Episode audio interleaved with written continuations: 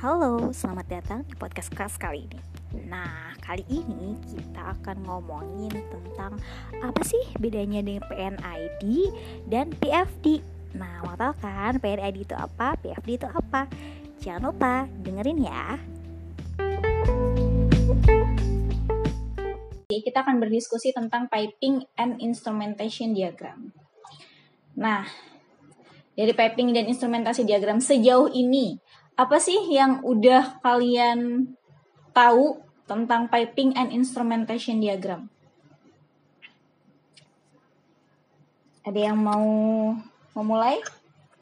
Uh, mulai dari saya dulu ya, yang saya tahu dan kebetulan itu juga saya pernah lihat semacam blueprint yang hubungannya dengan piping, lalu komponen-komponen yang digunakan seperti misalkan ada pompa, lalu ada valve, lalu sensor dan aktuator dan sejenisnya ada itu ada di dalam blueprint tersebut.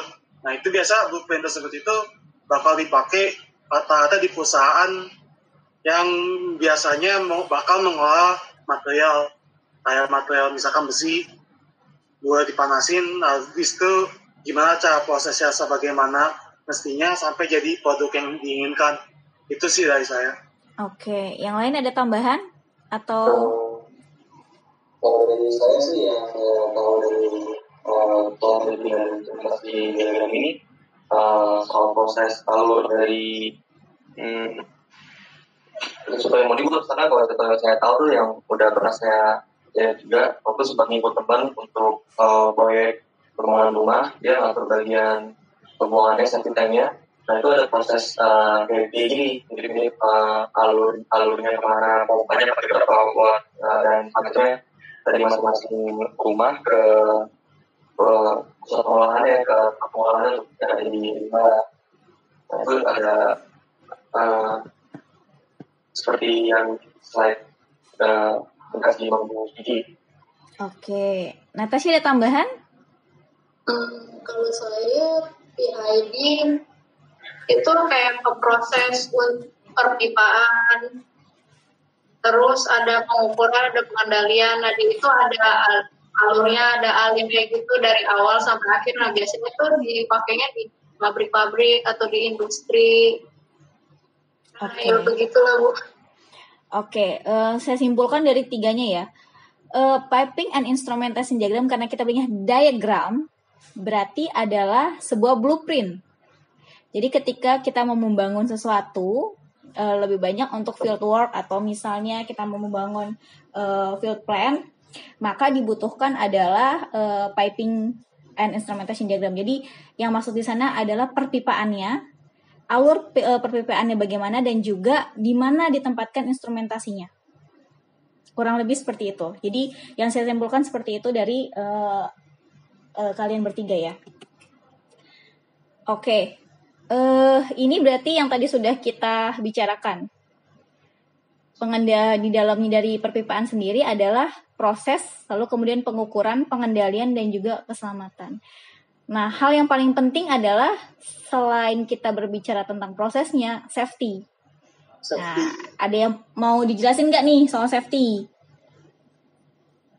Oh, safety menurut saya itu lebih berhubungan terhadap ketigaan biasa di aplikasikan di seluruh industri maupun pabrik. Dan itu selalu diutamakan walaupun kenyataannya itu di nomor dua. Kan saya ngalamin itu waktu saya magang di tempat papa saya.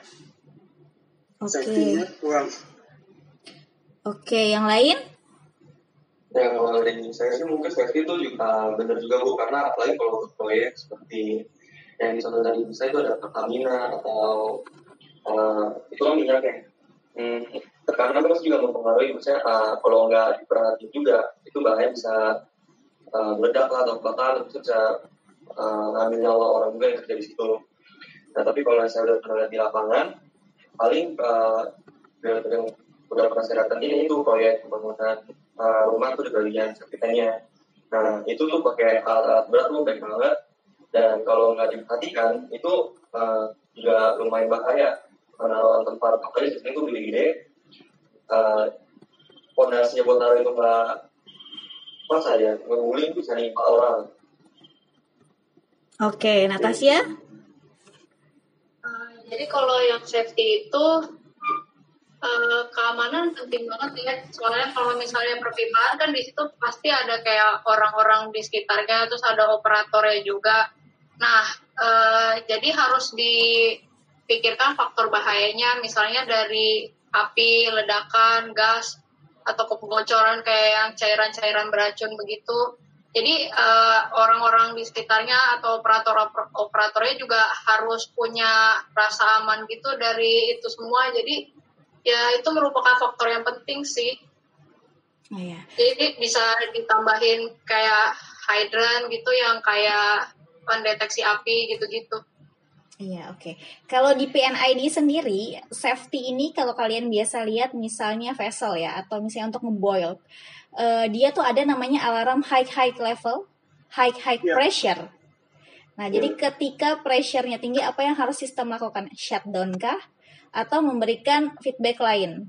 Misalnya pendinginan atau uh, apa namanya valve-nya langsung dibuka lebar Nah, safety ini adalah seperti yang kita tahu untuk keselamatan berarti biasanya kalau kita lihat di PNID modelannya seperti itu tadi.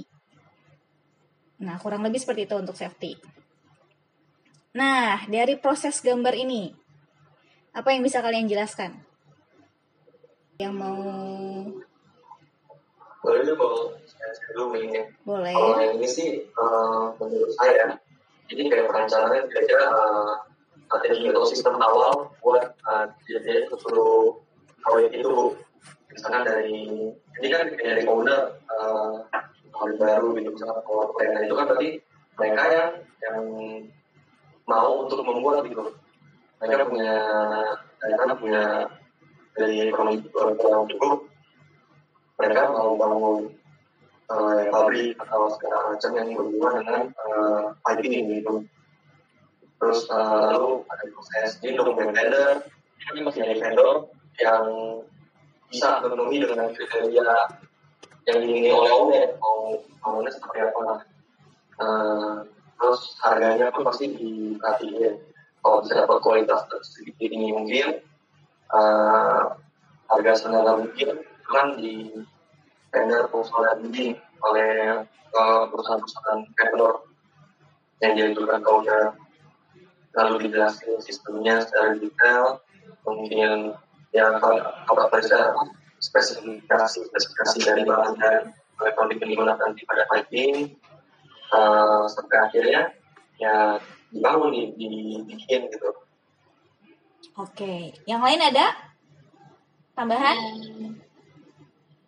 Kalau saya bu jadi pertama-tama kan ini ada owner, mungkin owner ini ingin membuat pabrik baru gitu kan. Jadi dari pabrik baru itu uh, pertama tuh masuk dokumen tender dulu. Kalau misalnya dia menang, dia dia akan langsung uh, start to work kerja, habis itu langsung masuk ke proses uh, pembuatannya. Nah, kalau yang dia proposal and binding itu dia masuk ke tahap desain dan perencanaan dulu yang FPC atau company itu yang tahap desain perencanaan. Lalu setelah uh, tahap itu selesai, dia mulai mendesain seperti PID-nya, PFD, wiring, dan lain-lainnya itu baru dia mulai start to work. Lalu dia ke uh, proses pengerjaan juga yang terakhir. Oke. Okay. Arvin mau ada tambahan? Kalau saya dari gambar diagram ini, di awal kan ada misalkan pabrik baru ini mau buat suatu perusahaan mereka bisa saja punya dokumen tender yang udah jadi ada desanya atau dia juga bisa melakukan proposal ulang atau membuat proposal baru dan binding ke company atau EPC. Nah, dari EPC atau company dia melakukan desain desanya seperti yang tadi yang PNID. Nah, setelah desain dari PNID dan segala jenisnya itu telah dibuat lalu mereka melakukan melakukan kerja dengan civil process instrument.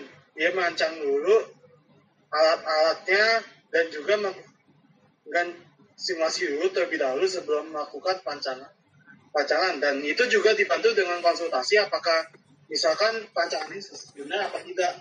Kalau misalkan benar lanjut. Kalau misalkan nggak benar sama oh, si konsultan itu pasti akan diperbaiki lagi sampai si konsultasi ini bilang kalau rancangan ini sudah benar itu sih dari saya Oke, kurang lebih berarti kalian sudah bisa pahamin ya proses alurnya uh, dari mulai PN dari requirement ini.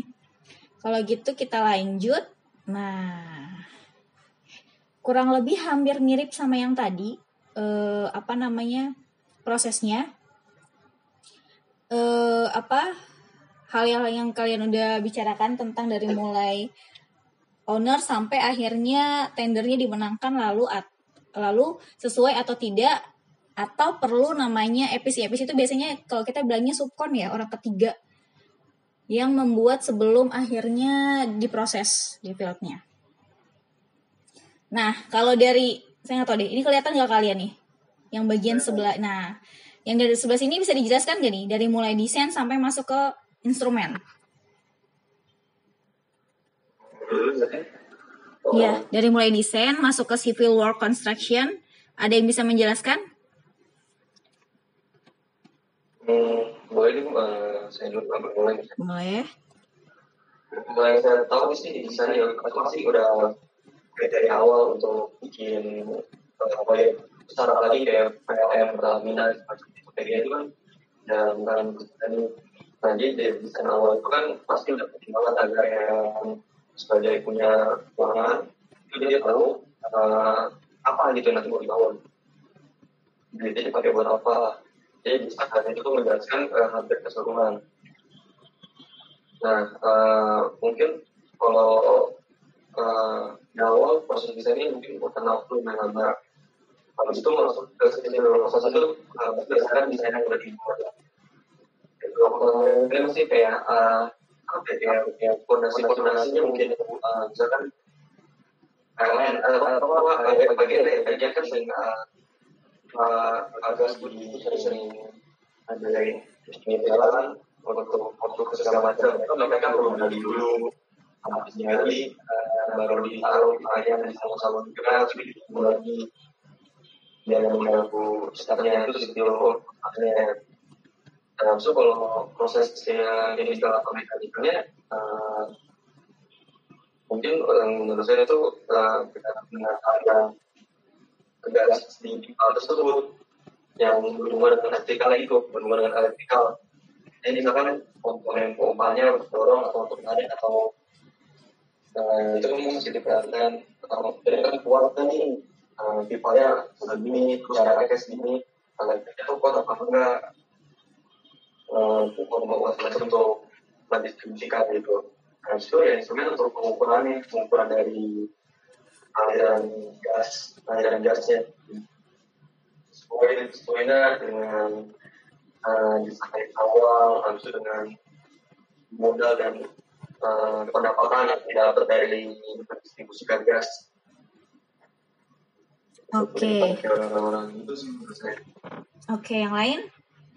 Uh, menurut saya, yang dari awal desain pasti tiap perusahaan itu minimal itu sudah punya desain yang sudah jadi seperti yang dijelaskan Tika tadi dari mulai dari blueprintnya biaya di anu aku akomodir buat pembuatan proyeknya nah setelah sudah dipikir matang-matang dari desainnya itu dilakukan pembangunan dari pancangan desain nah ini juga seperti Dika yang tadi bilang itu konstruksi bangunan beneran yang nantinya akan menjadi pabrik atau project.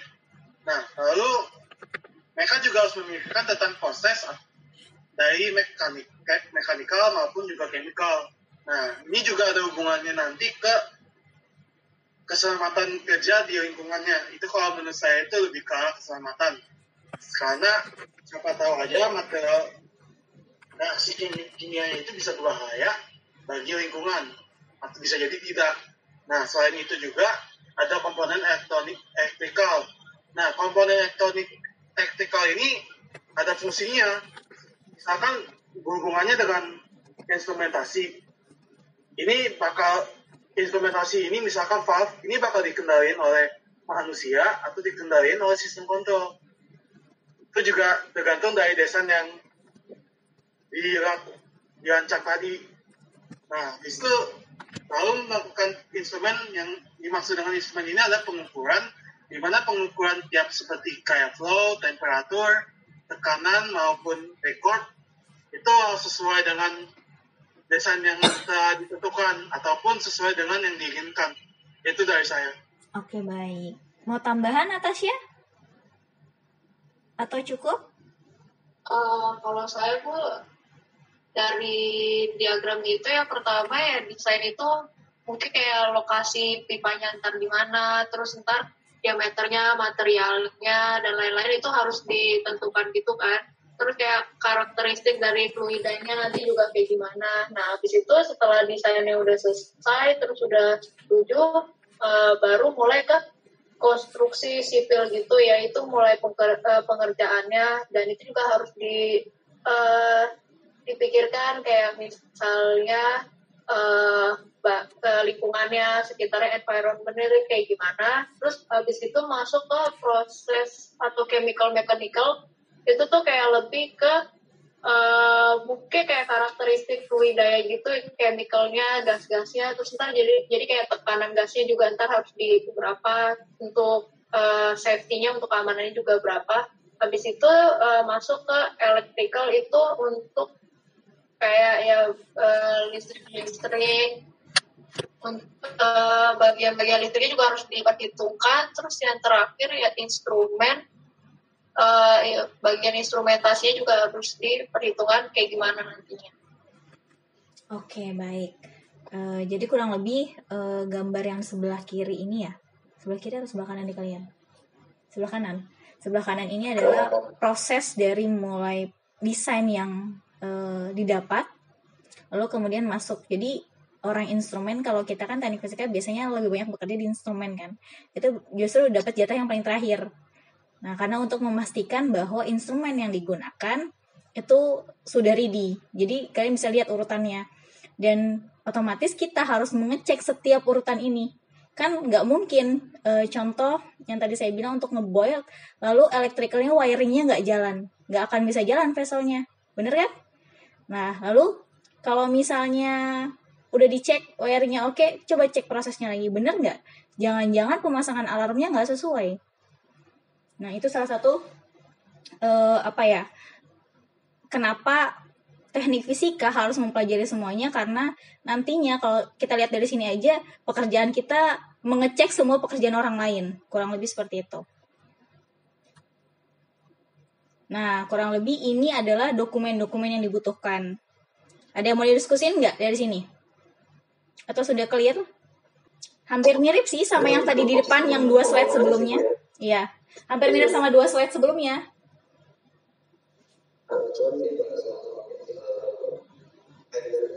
Iya. Ini lebih ke si tendernya sendiri. Clear ya? Tapi saya Gimana? Tanya, ya? Ini dapat persetujuan dari pemerintah dulu ya sebelum melakukan proyek, terutama proyek yang besar. Oh jelas, karena kan biasanya kalau proyek yang besar itu satu lahan yang digunakan itu harus clear dulu. Otomatis kan secara badan hukum dia harus clear kan? Apalagi kalau kita ingin membangun contoh waktu itu yang pernah saya tangani Pertamina. Itu bertahun-tahun hanya cuma e, pemugaran lahan. PNID-nya udah jadi, semua udah jadi, cuma pemugaran lahannya e, masih terkendala. Nah, itu pasti terkendala juga Makanya penting adanya secara badan hukum mereka sudah clear. Gitu. Ada lagi? Next ya. ya. Nah, kita masuk ke simbol uh, yang digunakan. Ini ada sesuai dengan standar. Standarnya yang dipakai instrumentasi Society of America seperti yang kita tahu bahwa di PNID sendiri di dalamnya ada proses pasti, instrumen pasti, kemudian pipa, wiring, lalu tubing penghubungnya dan logika kontrolnya. Nah, logika kontrol ini kan sebenarnya dilihat dari PVD. PVD itu biasanya yang mengerjakan adalah orang chemical, chemical engineering, orang proses. Nah, ini dokumen dari PNID-nya. Ada yang mau dibahas dari sini? Ini lebih ke arah apa ya? E, deskripsi ya. Apa yang dimaksud, apa yang dimaksud seperti itu. berdasarkan Iya. semuanya.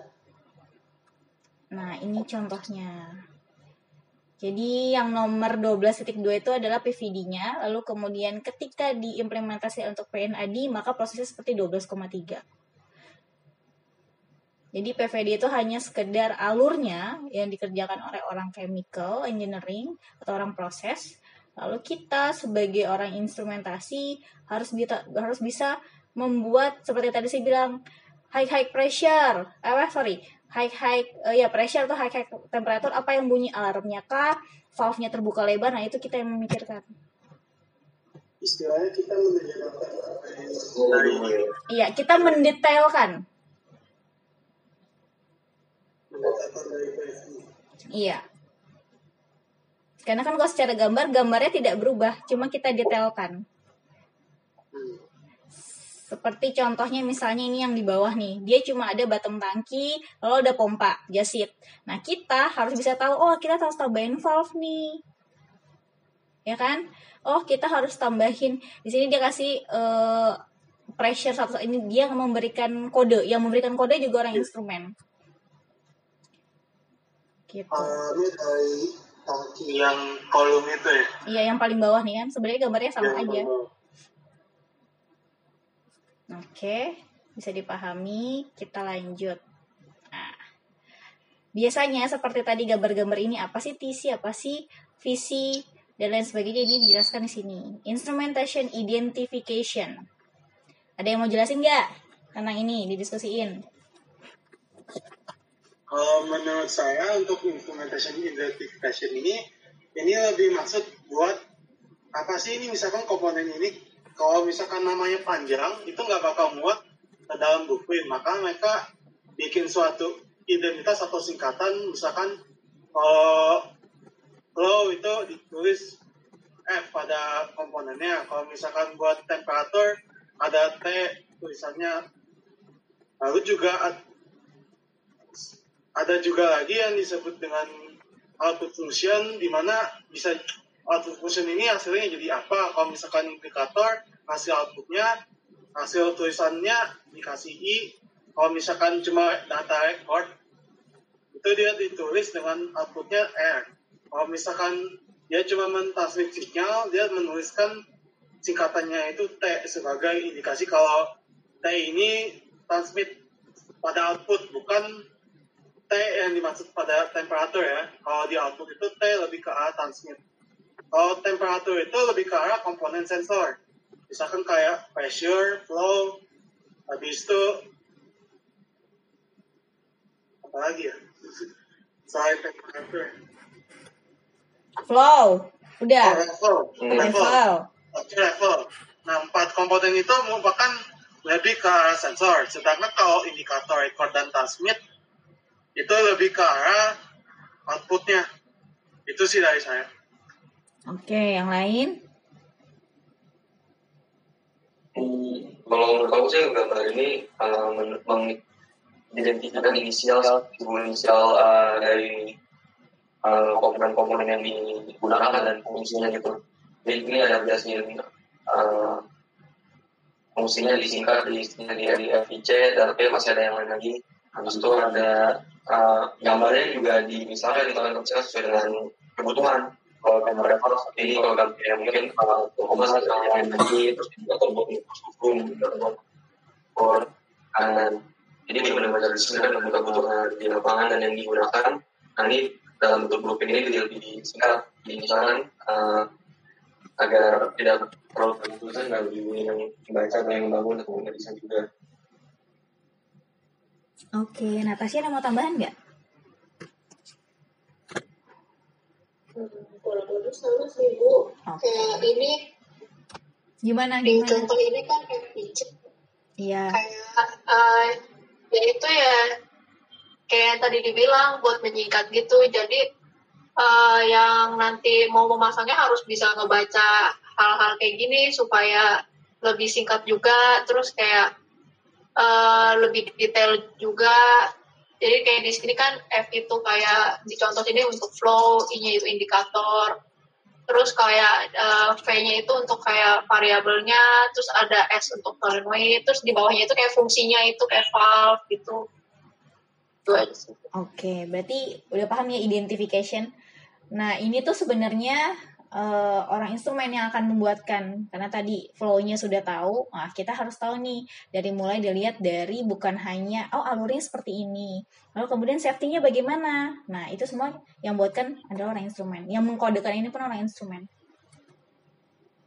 Nah kalau dari gambar ini ini adalah simbol-simbol uh, bukan simbol ya lebih tepatnya yang digunakan pada PNID. Jadi kalau dibaca orang tuh udah tahu oh kalau garis line lurus itu apa maksudnya? Kemudian ada dua garis seperti apa? Kalau dari kalian Ini gimana? ke, apa wiringnya ya listriknya itu ya? Wiring kabel gitu. Ya bisa wiring bisa piping. Piping. Ya karena dia bilang ada electrical signal ada pneumatical signal. Oh iya Ini ini simbol-simbol yang digunakan uh, alurnya gitu ya. mm -mm. kurang lebih begitu nah ini beberapa contohnya Nah, iya jadi yang tadi di PNID kan ada tuh kayak tadi FTC, terus V berapa berapa. Nah, itu dipasangkan di bagian gambar sini. Nah, jadi ketika kita ngelihat di interface-nya, maka eh, kode itulah yang akan muncul gitu. Dari komponen apa Kode yang tadi di sini nih.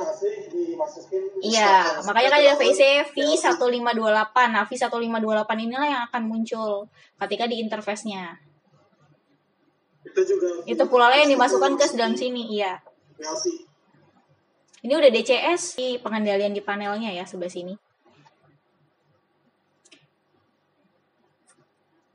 Lalu ya ini cuma Nah, modelnya kan seperti ini kan? Yang panel pengendalian kalau digitalnya.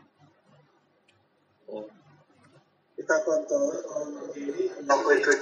Iya, para operatornya kayak gitu. Kecuali kalau lagi commissioning ya harus langsung ke ininya, lokasi ke lokasinya. Ini juga. Dan I think this is the last.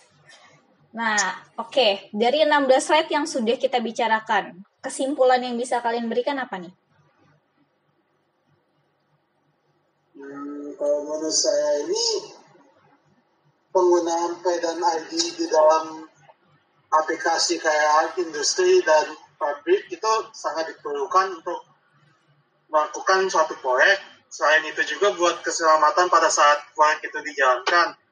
Nah, waktu suatu pembuatan P dan ID tersebut itu ini juga penting nih harus mengetahui identitas atau inisial-inisial misalkan kayak tadi temperatur disingkat jadi T pada komponen sensor. Nah itu juga untuk memperguna para teknik untuk mengetahui atau memberikan kode kalau komponen ini ini dari inputnya misalkan temperatur dan lain Lalu dia juga merupakan outputnya integer, integer atau i dan sebagai jenisnya.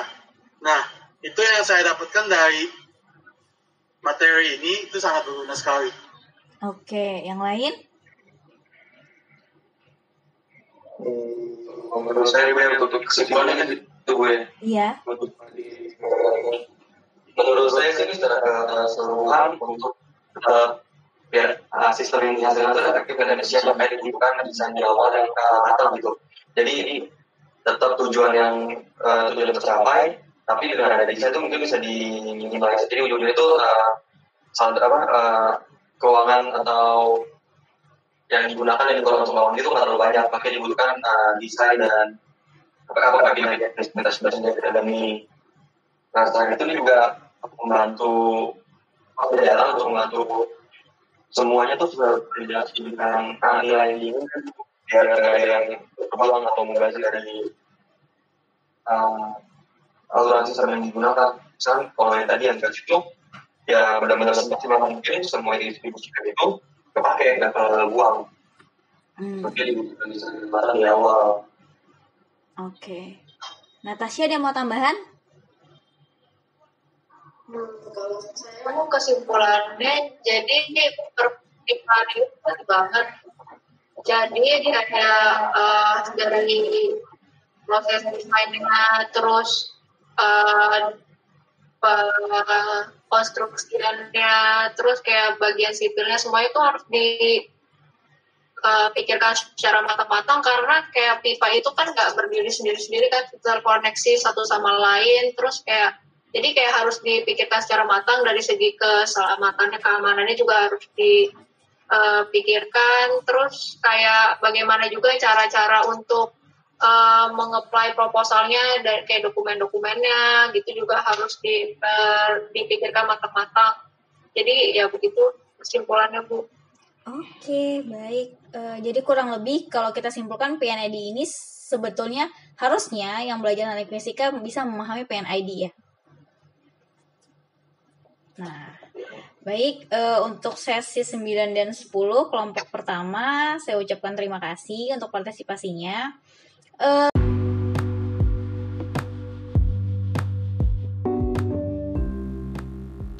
Terima kasih sudah mendengarkan podcast kelas ini. Sampai jumpa di episode berikutnya ya.